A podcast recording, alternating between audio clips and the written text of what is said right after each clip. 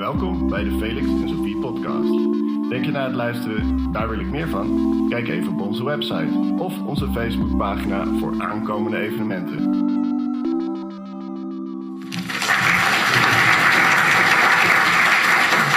Ja, ik ben Peter Achterberg en uh, zoals die hele kleine introductie al zei, ik ben een cultuursocioloog.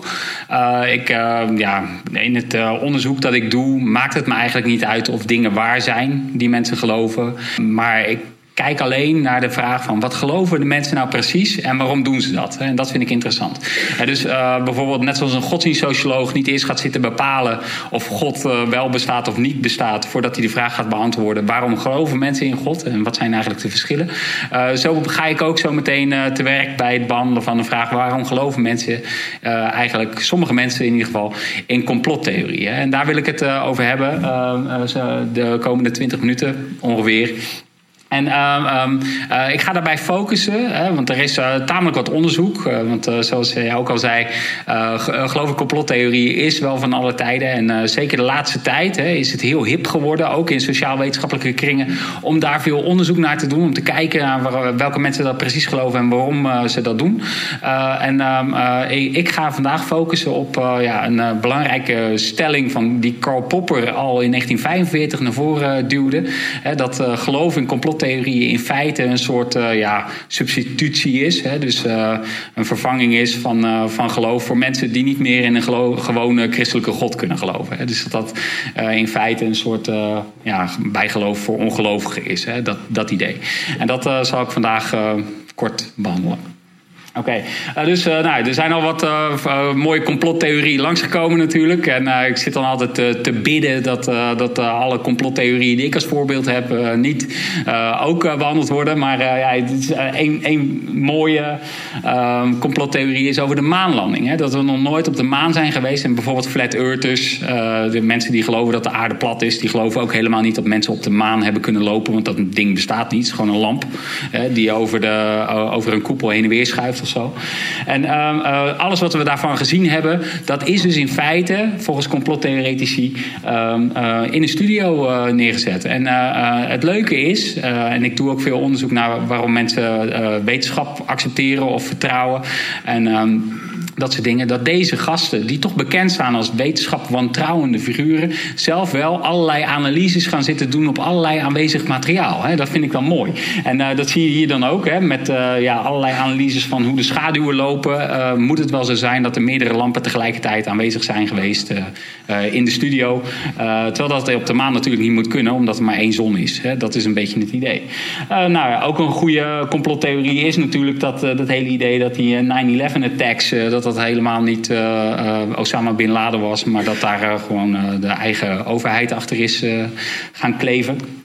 Uh, net uh, las ik op Twitter dat de koning van de, ja, de leugen, of weet ik hoe je dat moet noemen, inmiddels meer dan 16.000 onwaarheden ehm, tijdens zijn driejarige presidentschap erin heeft geslingerd, volgens de Washington Post. Um, en ja, ehm, ja deze, deze gast die, die staat natuurlijk in, al heel lang bekend als, en in feite heeft hij zijn presidentschap daar ook een beetje op gebaseerd. Op het constant aanvallen uh, van uh, bijvoorbeeld waar Obama is geboren, waarom, uh, of hij wel of niet in Hawaii of weet ik veel in de Verenigde Staten is geboren, of dat hij toch in Nigeria of in Afrika is geboren. En um, ja, dat is ook een soort complottheorie natuurlijk. Um, dan nog. Ik had het er net kort over toen ik even met de mannen stond te praten. Maar uh, ook op Netflix een hele mooie documentaire, Unacknowledged. Ik weet niet of jullie die gezien hebben. Uh, maar daarin wordt betoogd dat uh, de aliens al lang onder ons zijn. En um, um, die hebben ja, gouden technologie. Hè? Dus die kunnen de, met één zo'n schip kan je gewoon de hele wereld voorzien van gratis energie. Dus ja, dat is hartstikke mooi. vroeger waren aliens nog wel eens klootzakken die het met ons niet zo goed voor hadden. Maar deze die hebben het goed met ons voor. Alleen nu hebben we het internationale, oh, ja, laten we zeggen, die olie-imperium. En die proberen via allerlei slinkse methoden ervoor te zorgen dat de aliens op afstand blijven. En die technologie toch niet vrijkomt. Want anders dan kunnen ze geen geld verdienen. Hoppakee. Dus ben je erin geïnteresseerd? Kijk daar eens naar. Het is super interessant.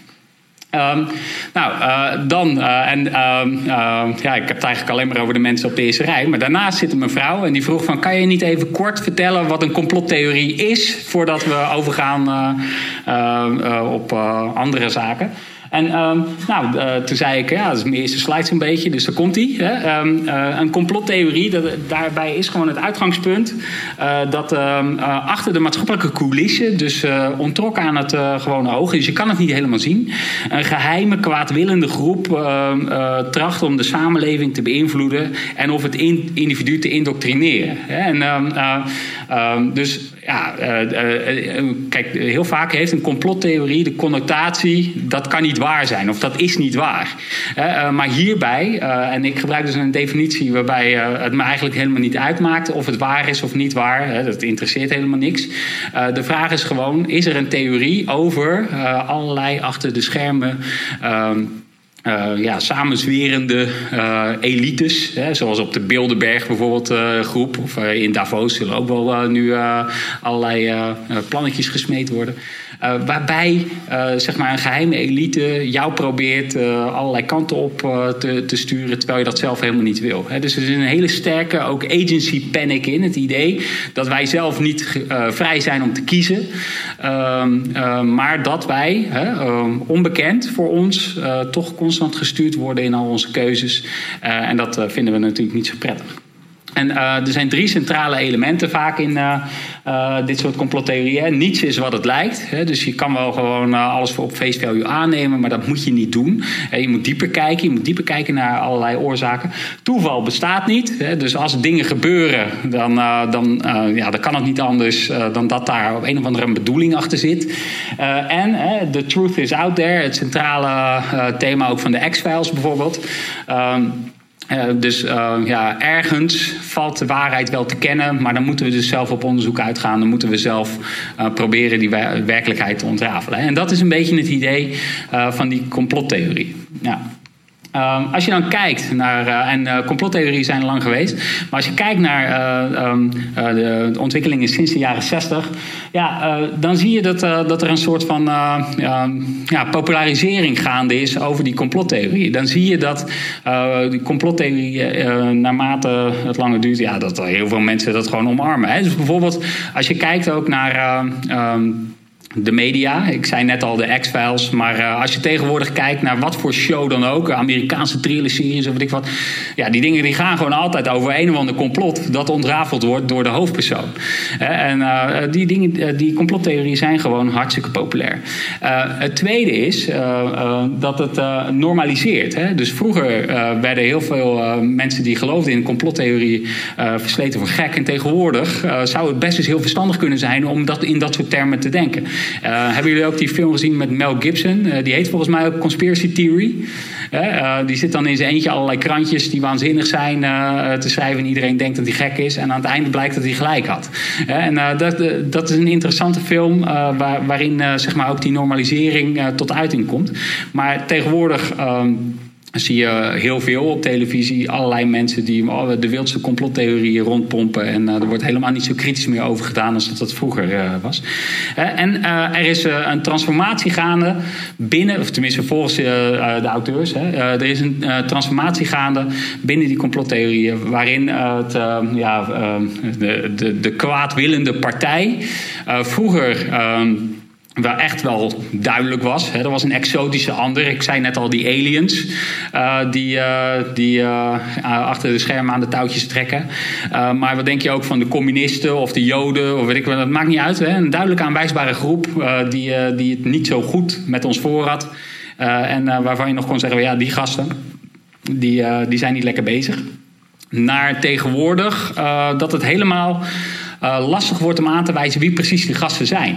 Uh, daar wordt naar gekeken naar onze eigen instituties, naar allerlei kwaadwillende groepen binnen onze eigen samenleving. Je weet niet eens wie dat zijn, uh, die ehm, ehm, ja, ehm, de, de, boel zitten te verstieren. Hè? Dat is een beetje het idee. En nou ja, dat is in, interessant, zou ik zeggen. en nou, toen, toen we dat allemaal lazen, en ik heb samen ook met Jeroen Rambam bijvoorbeeld en Stef Aupers werkten we in Rotterdam en deden we onderzoek en zij deden veel kwalitatief onderzoek daarnaar. En ze gingen praten met mensen, praten met uh. En ik ben meer een kwantitatieve socioloog. Dus dachten we, zullen we er ook niet eens een, uh, een survey tegen aansmijten? Een, uh, een vragenlijstonderzoek naar de vraag hoe breed en wijd verspreid dit soort uh, ideeën eigenlijk zijn. En dat is nogal lastig. Hè? Je kan niet zomaar aan mensen rijden, geloof je in complottheorieën? Want dan, ja, ja, zeker niet als je van de universiteit bent. Want dan, ja, dan hoor je al een beetje bij het complot natuurlijk. En dan zit je al in al die instituties. dus we dachten, ja, hoe moeten we dat nou precies doen? Dus wij hebben er een beetje een, een weggetje omheen bedacht. door gewoon te vragen naar. Ehm, en uh, natuurlijk zal dat ook nog steeds dat probleem wel in zich hebben. Naar van, hun mening over sommige mensen. Hè. En dan zeiden we, sommige mensen stellen dat. de Amerikaanse regering verantwoordelijk is voor de aanslagen rond 9-11. En um, uh, dan vervolgens uh, konden ze antwoorden, ze hebben totaal geen gelijk of ze hebben hartstikke gelijk of ergens ertussenin. En, um, en als je dat doet, dan, dan kan je dus op tal van um, uh, ja, complottheorieën kan je vragen of mensen daar een beetje affiniteit mee hebben. En dan zie je dat dat nogal een beetje verschilt. Hè? Dus uh, ongeveer 10% van de mensen vindt dat hartstikke prima dat, dat je daaraan twijfelt. virussen zoals de Mexicaanse griep door de overheid worden gemaakt om door de bevolking eronder te houden. 4,3%, niet zo heel waarschijnlijk.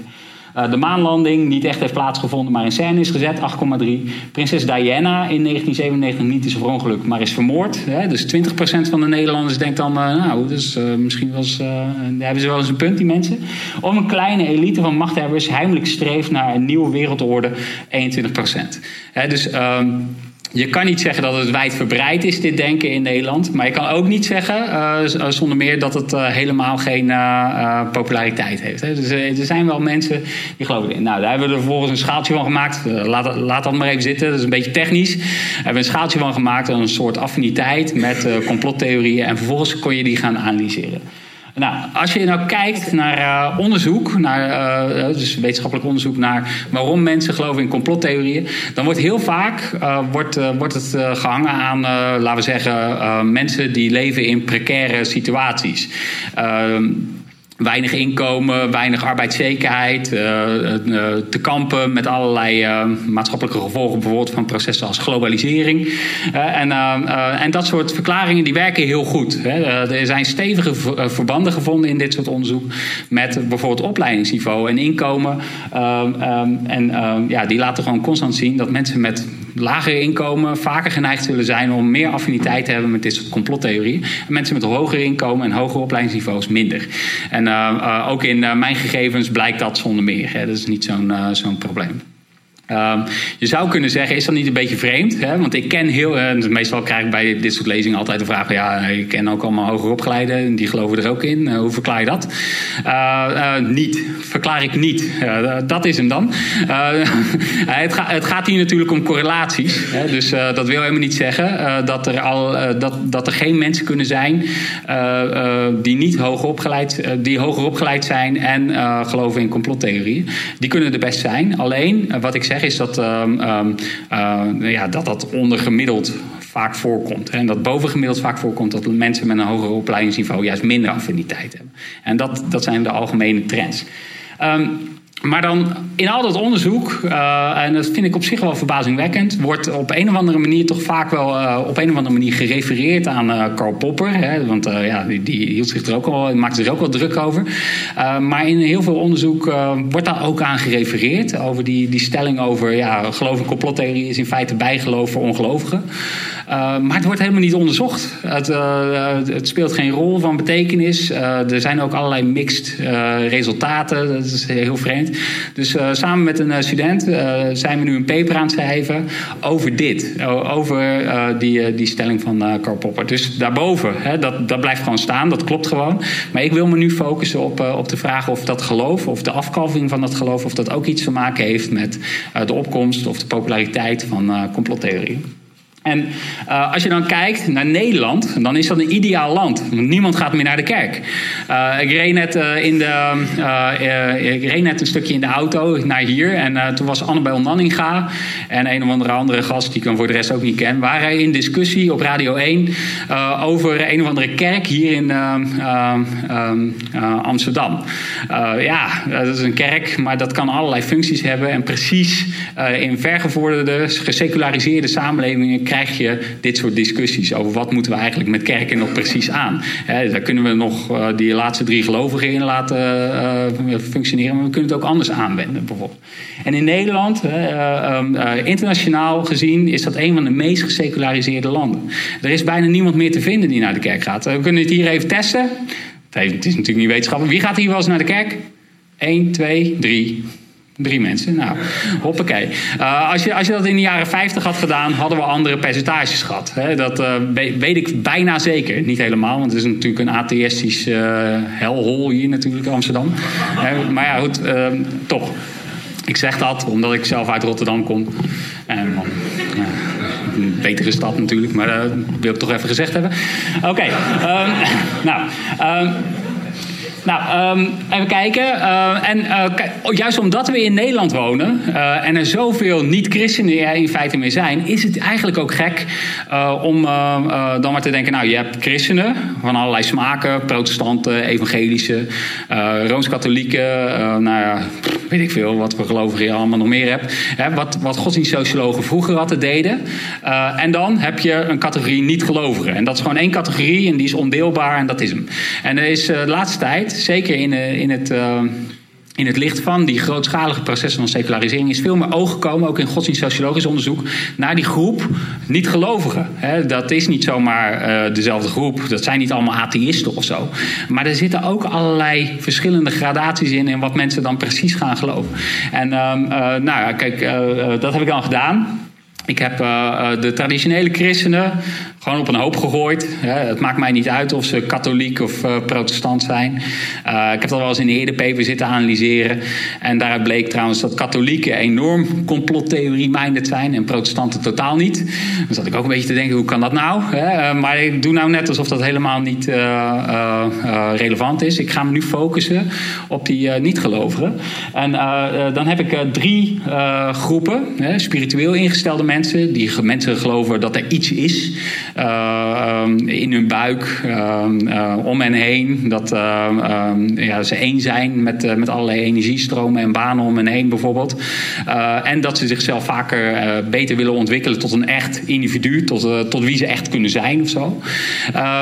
agnosten, daar schaak ik mezelf een beetje onder. Voor mijn kinderen uh, uh, mijn vrouw is atheïst en ik ben een agnost. Ik weet helemaal niks, joh. Ik weet niks zeker. Uh, en dan hebben we vaak zo'n discussie thuis. dan zegt mijn dochter Pippi van, ja, wat geloof jij nou eigenlijk? En dan zeg ik, ja, weet ik veel, man. Ik heb helemaal geen idee van. Ge geen idee. Hè? Je weet niet zeker of er een God bestaat. Uh, je weet ook niet zeker of die niet bestaat. Dat is hem ongeveer. Hè? Je hebt gewoon geen idee. En dan uh, hebben we Dagmar, dat is mijn vrouw. En die wordt dan altijd kwaad, want die weet zeker dat God niet bestaat. En die vindt dan dat ik een beetje mijn kinderen zit te vergiftigen met allerlei prietpraten, wat het ook onzin is. Hè? Dus uh, dat is een beetje het verschil tussen atheïsten en agnosten. een atheïst weet zeker, God bestaat niet, is gewoon onzin. en agnosten die weten gewoon niks. Hè? Daar komt het op neer. En um, nou, dat, uh, dat heb ik dan uh, gemeten. En vervolgens heb ik gekeken van ja, hoe zit dat dan? Wat is die gemiddelde score op die complottenschaal? Uh, en nou, dan hebben we die agnostici. En die geloven veel, uh, uh, relatief veel moet ik dan zeggen, in complotten, samen met de spirituele gelovers. En de atheïsten en de traditionele gelovers, die, die geloven daar veel minder in. En um, ik heb daar ook een testje bij gedaan. En het komt erop neer dat de twee groepen, dus de agnosten en de spiritueel gelovigen, die geloven juist. Um, enorm veel, significant meer in complottheorieën of hebben daar meer affiniteit mee dan de andere twee groepen. Daar zit dat verschil. En um, uh, vervolgens, hè, omdat ik een cultuursocioloog ben, ja, ik vind het mooi dat dat soort verschillen bestaan. Maar in feite wil je dan weten waarom dat is. Hè. Waarom geloven die, uh, die twee groepen, die spirituele en die agnosten, wel in complottheorieën en uh, die andere twee groepen in feite niet? En als je dan gaat kijken in de literatuur, dan zie je bijvoorbeeld dat atheïsten, juist omdat ze zo zeker weten dat God niet bestaat en allemaal onzin is, die hebben ook een enorm sterk vertrouwen in rationaliteit en vertrouwen in de wetenschap als, eh, als middel om, uh, om voorwaarts te komen. Dus bijvoorbeeld, kennen jullie die boeken van Richard Dawkins? Ja. die is er ook wel eens geweest, zei je? Hoe niet? Bij, bij, in Amsterdam. Hij is wel eens in Amsterdam geweest, heb ik gehoord. Super, super belangrijk. en die heeft allemaal boeken geschreven. en ehm, in feite, als je, als je die boeken leest, dan, dan, dan ademt dat, dat geloof in de wetenschap enorm sterk. Hè? Dus die man die omarmt de wetenschap als nieuw pad voorwaarts. en zeg maar, op basis van allerlei wetenschappelijke argumenten probeert hij aan te tonen dat al dat gelul van die, van die christenen en van die gelovigen, dat het gewoon onzin is. Hè? Dat is een beetje het idee. Dus. Um, uh, atheïsten die, die omarmen rationaliteit en die hebben een diep geworteld vertrouwen in de wetenschap. Als, uh, en, zodra je dat hebt, hè, dan is dan de stelling, ja, dan vind je die complottheorie ook allemaal maar flauwkul. Hè. Dan is dat gewoon ook nonsens. Dus dat is een eerste hypothese. als je dan kijkt naar de literatuur over spiritualiteit, dan zie je dat in, in dit soort onderzoek allerlei argumenten naar voren komen rond conspirituality. dus bijvoorbeeld als je kijkt naar uh, complottheorieën, daar hangt alles met alles samen. Terwijl ze voor spirituelen, die hebben een heel holistisch beeld waarin jij zelf uh, slechts een radertje bent in het, in het hele aardse wezen. Hè? Dus jij staat ook in contact met alles en, van alles en nog wat om en heen. Dus die holistische ja, inslag, die hebben die complottheoretici ook vaak. Hè? Dus dat zou een reden kunnen zijn, hè? een voorkeur voor, voor holisme. Uh, maar ook een andere reden is anti-institutionalisme. Dus uh, als je spiritueel bent uh, en je denkt aan ja, wat, wat jou eigenlijk afleidt van het feit om jouw echte ik te ontmoeten of te zijn of een betere versie van jezelf te worden, dan komt dat vaak neer op het idee dat er allerlei institutionele krachten en machten zijn die jou hebben gecorrumpeerd. die ervoor gezorgd hebben dat jij ja, een slechtere versie bent geworden van jezelf. dus dan moet je dat in feite van je afschieten te schudden hè, als een uh, spiritueel iemand, om weer een betere, zelf, uh, een betere versie van jezelf te worden. En dat is het idee. En ja, dat anti-institutionalisme, wat, wat heel veel. Um, uh, van die spiritueel uh, ingestelde uh, figuren hebben. ja, dat delen ze met die complottheoretici. Hè. Complottheoretici die trekken ook al die instituties niet. Vinden ze ook allemaal maar één grote enge teringzooi. je kan het bijvoorbeeld zien ook aan Donald Trump. Hè. Dat is gewoon de koning van de ontmanteling van allerlei centrale instituties. Hij staat gewoon tegen. En nou dus dat is het tweede argument. Hè. En dat anti-institutionalisme en dat holisme, dat zou kunnen leiden tot uh, meer affiniteit met complottheorieën. Dus dat uh, onderzoek dan. En agnosten, ja, die, uh, en net tijdens je inleiding zei je dat ook al een beetje. Ja, die barsten gewoon van de zingevingsproblemen. Ik niet, hè. Ik heb alles gevonden. Ik, ik heb dat niet. Ik ben een, een ehm, ja, hoe noem je dat? Een uitzondering die de regel bevestigt, moet je maar zeggen. maar al die agnosten, daar zou, zou je kunnen zeggen, ja, om, juist omdat ze niks weten vragen zich constant af: is dit nou alles? Uh, is er niet meer? De dingen die er gebeuren, gebeuren die nou toevallig? Of zit daar toch zin en reden en motivatie achter? En wat is dat dan? En. Ehm, uh, sociologen die, uh, gebruiken daar wel uh, een duur woord voor culturele rationalisatie. De dingen die gebeuren, uh, die gebeuren niet zomaar, maar die hebben op een of andere manier zin. Mensen proberen, omdat ze zo'n ja, ja, gewoon, gewoon, helemaal geen zingevend kader meer om zich heen hebben, proberen ze toch zin te zoeken waar er misschien geen zin is. dus ehm, via dat proces, dus anomie of zingevingsproblemen, zou ook kunnen leiden tot de omarming van complottheorie. Nou, wat heb ik gedaan? Heb ik uh, vervolgens, en ik, ik heb maar eventjes in procenten weergegeven. Uh, zoals ik net al liet zien, zijn die effecten, of die verschillen tussen die drie groepen niet bijzonder sterk. maar dit is wat ik vond. atheïsten, ja, die hebben dus een broertje dood aan die complottheorieën. en dat valt vooral te verklaren voor 61,5% door het vertrouwen in de wetenschap omdat ze zo'n vertrouwen in de wetenschap hebben, denken zij, ja, die complotten die, die zijn totaal overbodig. Je moet gewoon vertrouwen op de wetenschap en dan komt het allemaal goed. En ook via een afkeer uh, van uh, holisme. Juist omdat zij ook denken dat dat holistisch denken ook flauwkul is. En vertrouwen ze die complottheorieën ook nog iets minder. dat was een hypothese, die had ik niet. Hè, dus dat, daar ben ik een beetje achter gekomen. Uh, spirituele, uh, ja, als je dan kijkt, hè, voor die spirituele zou het holisme moeten zijn en vervreemding. En inderdaad, dat werkt goed. 23,1% en 7,7% uh, kan je dat verklaren. Kan je die verschillen tussen, tussen die groepen verklaren. maar wederom, vertrouwen in de wetenschap werkt ook, maar omgekeerd. Hè. Die holisme, holisten, die hebben helemaal geen vertrouwen in de wetenschap. En juist daardoor vertrouwen ze wel die complottheorieën enorm. Hè. Dus dat was ook een effect wat ik eigenlijk niet verwachtte, maar er wel En tenslotte die agnosten. Anomie, die zingevingsproblemen, ja, dat werkt heel goed om te verklaren waarom die, uh, die agnosten uh, complottheorie omarmen. Maar tegelijkertijd uh, zie je weer dat dat vertrouwen in de wetenschap ook een rol speelt, maar omgekeerd dan wat, wat je zou denken. Hè. die agnosten die hebben niet zo'n groot vertrouwen in de wetenschap. En als gevolg daarvan ja, omarmen ze die complottheorieën ook niet. Uh, juist wel, bedoel ik, sorry. Oké, kortom. Er is niet een eenduidige uh, antwoord op de vraag of die Karl Popper met die substitutiethese, of die nou gelijk had of niet. Uh, want ja, die spirituelen, die geloven enorm in die complottheorieën. En die agnosten ook, maar die atheïsten juist niet. Hè. En wat ik ook interessant vond uit dit onderzoek was juist dat het, het omarmen van die rationele wetenschap, of juist de verwerping ervan door sommige groepen, dat dat voor al die groepen ook een rol blijkt te spelen. En ja, in feite wil ik daar nog wat, uh, wat verder over doorgaan uh, later. Uh, maar voor nu hou ik het erbij, denk ik. Oké, bedankt. Felix en Sophie. Felix en Sophie.